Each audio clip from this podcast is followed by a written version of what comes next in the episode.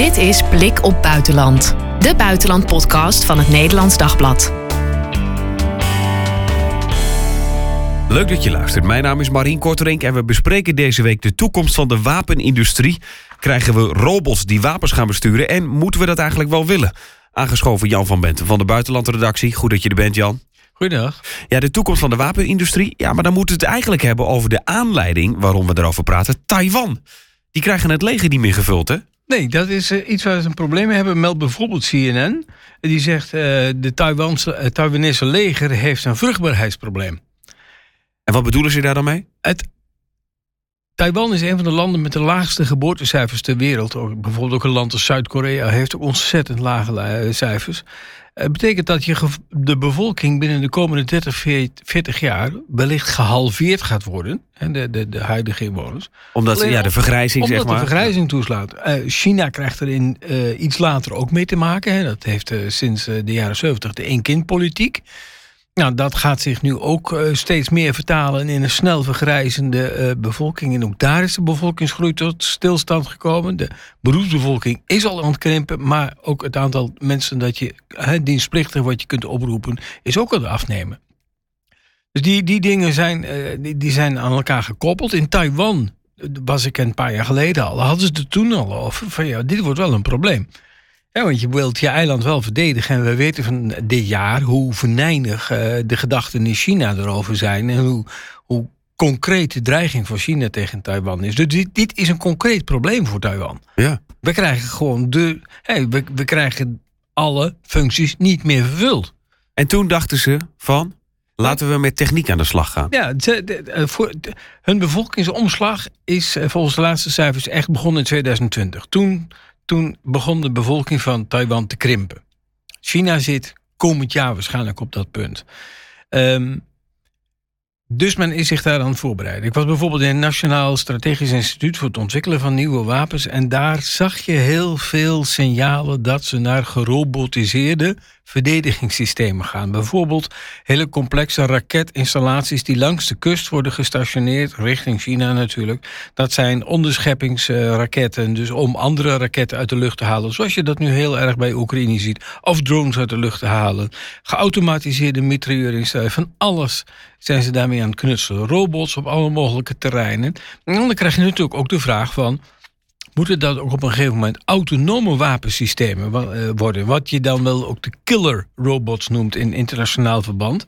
Ja, en dan is ook deze datum wel interessant. Want net exact een jaar geleden, op 20 december dan, met deze week een jaar geleden, uh, was er een stemming binnen de Verenigde Naties. Uh, naar aanleiding van een rapport van de Veiligheidsraad van deze ontwikkeling moet worden gestopt, want die begint uit de hand te lopen.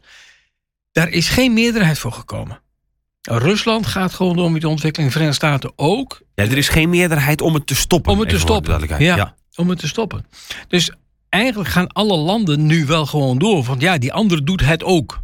En China, bijvoorbeeld de Chinese president Xi Jinping heeft zelfs gezegd dat degene die uh, het snelst, het meest beslissend artificial intelligence op militair terrein in zijn vingers krijgt, dus wapensystemen die sneller kunnen denken dan dat wij mensen dat kunnen doen, dat wordt de beslissende slag in de toekomst.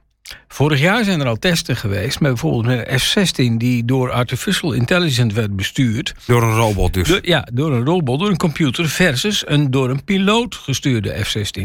Die piloot kon het in geen enkele van de simul, gesimuleerde gevechten winnen. Lukte hem gewoon niet. Omdat die door de computer gestuurde F-16 veel radicalere beslissingen maakt. veel radicalere uh, bewegingen in de lucht met veel meer risico. Maar kennelijk, ja, die computer kon er sneller doorrekenen. Van kom ik er wel heel huids uit, ja of nee? En die snelheid van rekenen, ja, dat, dat wordt wel een beslissend moment. Hoe staat het met die ontwikkeling van dat soort... Nou, ik nou, bedoel, we hebben al veel uh, techniek natuurlijk... maar echt dat een robot iets bestuurt, hoe, hoe staat het daarmee? Nou, behoorlijk ver. Uh, het is zo dat bijvoorbeeld de, de, de, Amerikaanse marine... heeft al een jaar of drie geleden... Uh, zogenaamde Hunter... sub, sea Hunters op zee. Dat zijn soort trimarans, vrij grote schepen hoor. Maar die kunnen dus echt wekenlang onbemand op zee kunnen ze onderzeeërs tracken. Dus volgen van waar zijn onderzeeërs en dat soort dingen. Dus ze hebben al die apparatuur aan boord. Er hoeft geen kip meer aan boord te zijn. Die kunnen gewoon een paar maanden wegblijven als ze voldoende brandstof en, en, en voldoende dataverbindingen hebben. En dan, dan, maar die worden op afstand bestuurd Die worden nog op ja. afstand bestuurd. Dat is ook een principe. Ik heb, uh, je hebt daar in Amerika bijvoorbeeld heb je het zogenaamde JAIC, het Joint Artificial Intelligence Center. Dat is, uh, dat is een instantie van het Amerikaanse ministerie van Defensie. Die dus onderzoekt wat voor kunstmatige intelligentie en, de toepassing daarvan in wapensystemen. Uh, wat voor gevolgen dat zal hebben voor het leger van de toekomst. Wat je daar in grenzen wilt aanbrengen. En die Jack Shanahan die zei toen in het interview van nee, wij gaan absoluut niet zo ver. Zeker niet zolang ik hier zit, maar ook binnen Defensie willen we niet dat wapensystemen autonoom, zelfstandig gaan beslissen over leven en dood vraagstukken. Dus neem je voor, de Britten bijvoorbeeld zijn al jaren bezig met, een Keltische naam is dat, ik ben zo gauw op mijn hoofd niet meer, maar de god van de donder is dat vertaald rand is. Dat is een onbemande bommenwerper die, wanneer die echt zou worden doorontwikkeld, eigenlijk overal ter aarde wil kan uh, toeslaan. Die kan zelf doel, doelen opzoeken en bepalen of dat inderdaad een uh, waardevol doel is en uh, waardevol genoeg dat, dat je niet te veel wat dan heet bijkomende schade krijgt, dus burgerdoelen die geraakt worden of burgers, om zo'n doel aan te vallen. De Amerikanen hebben de Global Reaper, dat is een groot ehm, grote drone. Wij kennen wel bijvoorbeeld de Reapers van die oorlog tegen ISIS en dergelijke. Nou, de Global Reaper is nog veel groter. Die kan gewoon ook 24 uur in de, in de lucht blijven. Kan in principe ook elk doel op aarde wel bereiken. Die is nogal wel vrij groot, omvangrijk en traag. Dus die is ook nog redelijk kwetsbaar om te worden onderschept. Maar men is natuurlijk al lang al bezig met een nieuwe generatie van die dingen. Nou, je ziet in de oorlog in Oekraïne hoeveel zou worden gebruikt. De Oekraïne zet drones in, maar die worden dan nog wel uiteraard geprogrammeerd door de marine, eh, door de krijgsmacht zelf, om Russische schepen te treffen. Denk aan die, die, die kruisen Moskva, getroffen door een soort dronesysteem. Een Neptune-raket, zoals de, de, de Oekraïners dat noemden. Uh, maar Rusland gebruikt ze ook. Die, die uh, Iraanse drones met soms Nederlandse chips erin. Die, die, die voor heel andere doeleinden zijn ontwikkeld. Dan krijg je nog eens zo'n gek gebied. Je kunt dus chips bouwen met besturingsapparaten. Denk aan bijvoorbeeld gerobotiseerde grasmaaiers die je in je tuin kunt zetten. Die weet van, ook oh, moet maar binnen die grens houden. die chips zijn te herprogrammeren dat zo'n drone weet van, uh, ik moet dat doel pakken.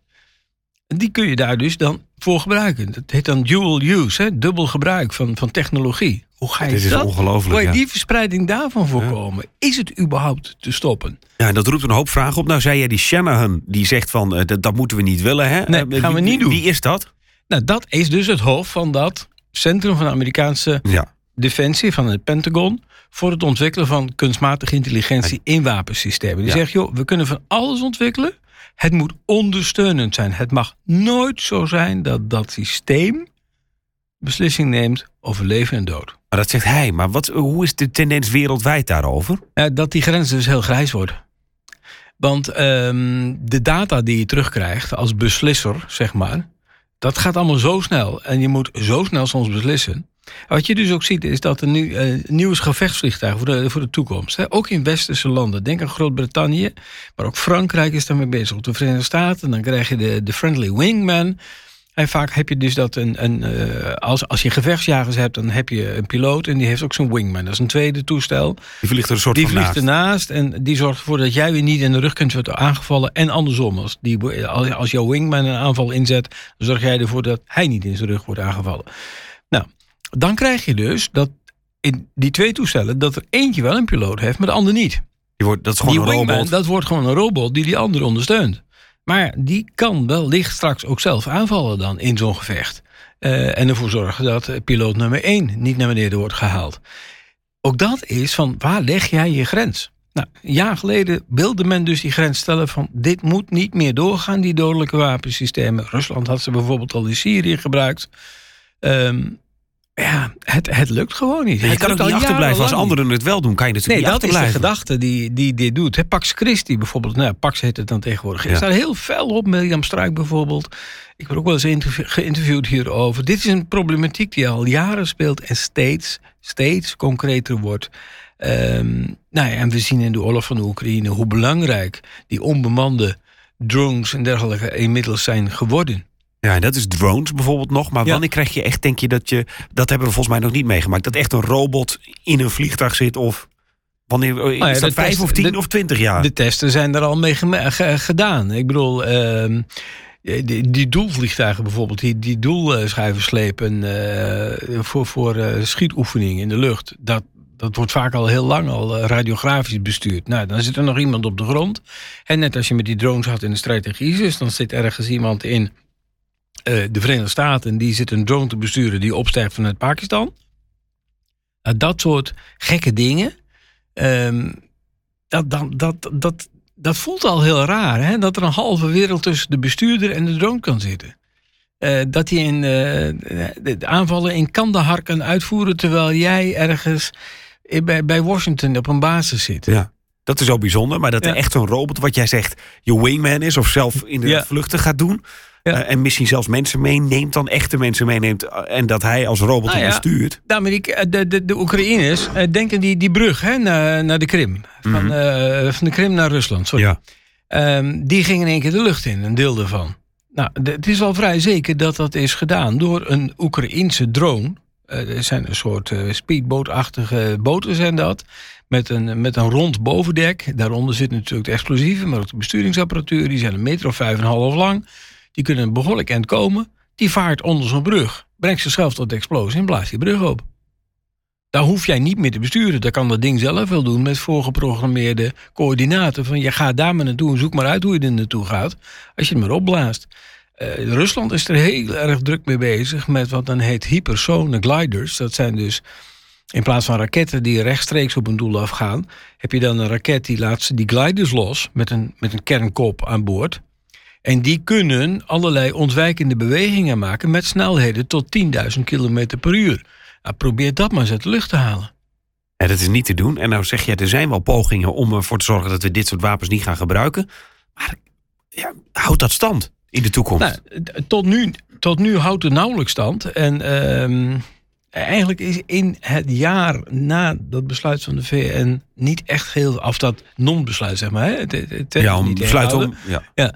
Eh, daar is sindsdien niet echt heel erg veel meer gebeurd. Ik volg dit onderwerp al een aantal jaren. En was, het was zeg maar voor de coronacrisis, maar ook zeker voor de oorlog met Oekraïne, was het veel meer in publieke discussie. Hoe gaan we hier nu mee om? Denk aan die, hè, aan die stemming van december 2021. Maar anno 2022, ja, het wordt gewoon gebruikt.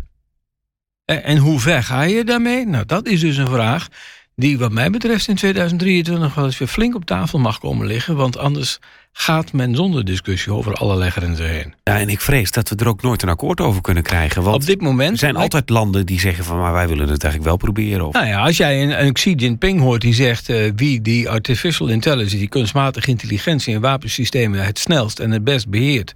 die zal de macht hebben.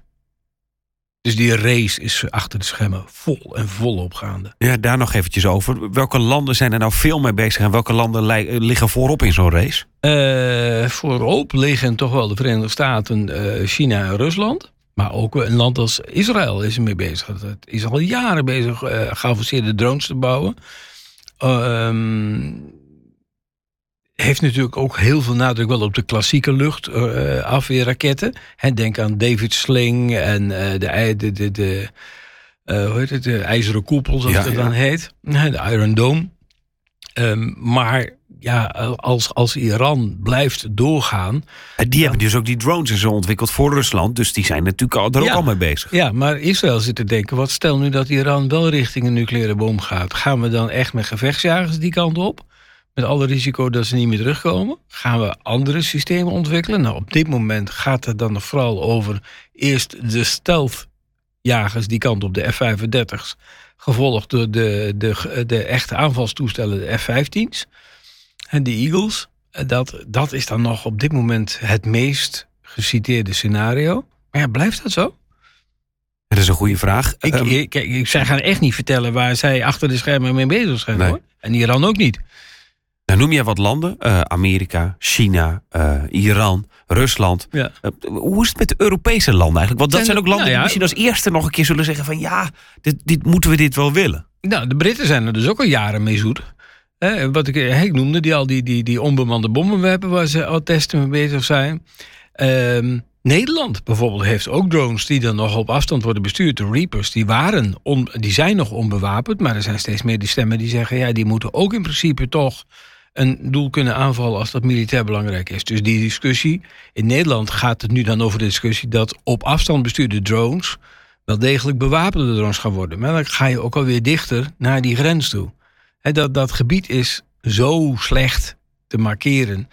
Ja, wanneer gaat zo'n zo'n Reaper, eh, krijgt hij een systeem mee dat hij, mocht de verbinding verbroken worden, toch tot een overval eh, overgaat in plaats van hup terug naar basis.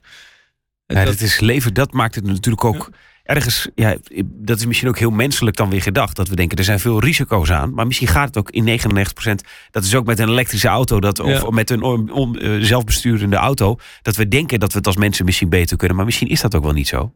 Ehm, ja, er zijn heel interessante gedachten over. Al een aantal jaren geleden heb ik al gesproken met een, Israëlische jurist. Die zei van drones zijn ten opzichte van bijvoorbeeld gewone jachtbommenwerpers... een verbetering voor de mensenrechten. De? Vraag je dan? Hoe bedoel u? Ja. Hij zegt omdat die veel langer eh, bezig kunnen zijn, veel nauwkeuriger met hun doelbepaling. Loitering heet dat. Boven een doel hangen en kijken en, en, en observeren en dan heel zorgvuldig selecteren. Nou, dat gebeurt natuurlijk ook nog met, op basis van gegevens die er binnenkomen in het operationele centrum. Ja. Ehm, maar ja, wanneer wordt dat kunstmatig? Dat is echt, echt een principiële vraag die niet definitief is beantwoord nu internationaal. Nee. Kijk, bijvoorbeeld, er is wel een verbod gekomen op chemische wapens. Eh, er is een, eh, nog geen verbod op nucleaire wapens. Ja, bij- van wat de VN betreft wel. Maar die dingen die zijn er nog. Maar chemische wapens en bacteriologische wapens. eh, eh, biologische wapens zijn er in principe niet. Die mag je niet hebben. Nee. Ja, je zou kunnen zeggen dat zo'n soort verbod zou internationaal ook over autonome wapensystemen moeten, eh, moeten gelden. Dus wapensystemen die zelfstandig, zonder tussenkomst van de mens, kunnen besluiten van dit is de vijand, die schakel ik uit. Maar ja, wat is zonder tussenkomst van de mens? Daar krijg, krijg je dan natuurlijk ook weer, waarschijnlijk weer een grijs gebied. Ja. Ja, wat is er tussen? Dan kan je zeggen een drone. Ja, dat is nog. En de, en de mens die drukt alleen nog even op aan uit, bij wijze van Ja. spreken. Ja, dus het, het, het Ja, valt mag. niet onder autonoom. Ja. Ja. Ja, nou ja, daar heb je het al van. Hè? Ja, van ja. En, en heb je dan de tijd en de ruimte om die beslissing ook wel overwogen te maken? Ja, allemaal vragen om in 2023 Ja. over na te denken. Dan nog even terug naar het begin, Taiwan. Hoe, hoe zijn die daarmee bezig? Want die voelen natuurlijk misschien die acute dreiging, hebben we afgelopen jaar ook gezien, van China. Ja. En die denken, we moeten iets zo, snel mogelijk die zijn, eigenlijk. Die zijn dus heel sterk daarmee bezig, maar dan op een defensief terrein. Dus raketsystemen die automatisch reageren. En automatisch eh, de, de identificatie maken vriend-vijand. Ehm, en dan eh, die vijand uit de lucht halen. Eh, kijk, het zal, Taiwan zal daar ook nog eh, menselijke tussenkomst bij hebben op dit moment. Dat, dat beweren ze althans. Maar als je te maken hebt met een massale aanval van raketten van bijvoorbeeld vanuit China, die hebben er meer dan duizend op het vasteland staan die gericht zijn op Taiwan. heb je over zware raketten, plus ik weet niet hoeveel middelzware raketten. Ja, dan heb je niet veel beslissingstijd meer over. En waar gaat dan het semi-automatische over in automatisch?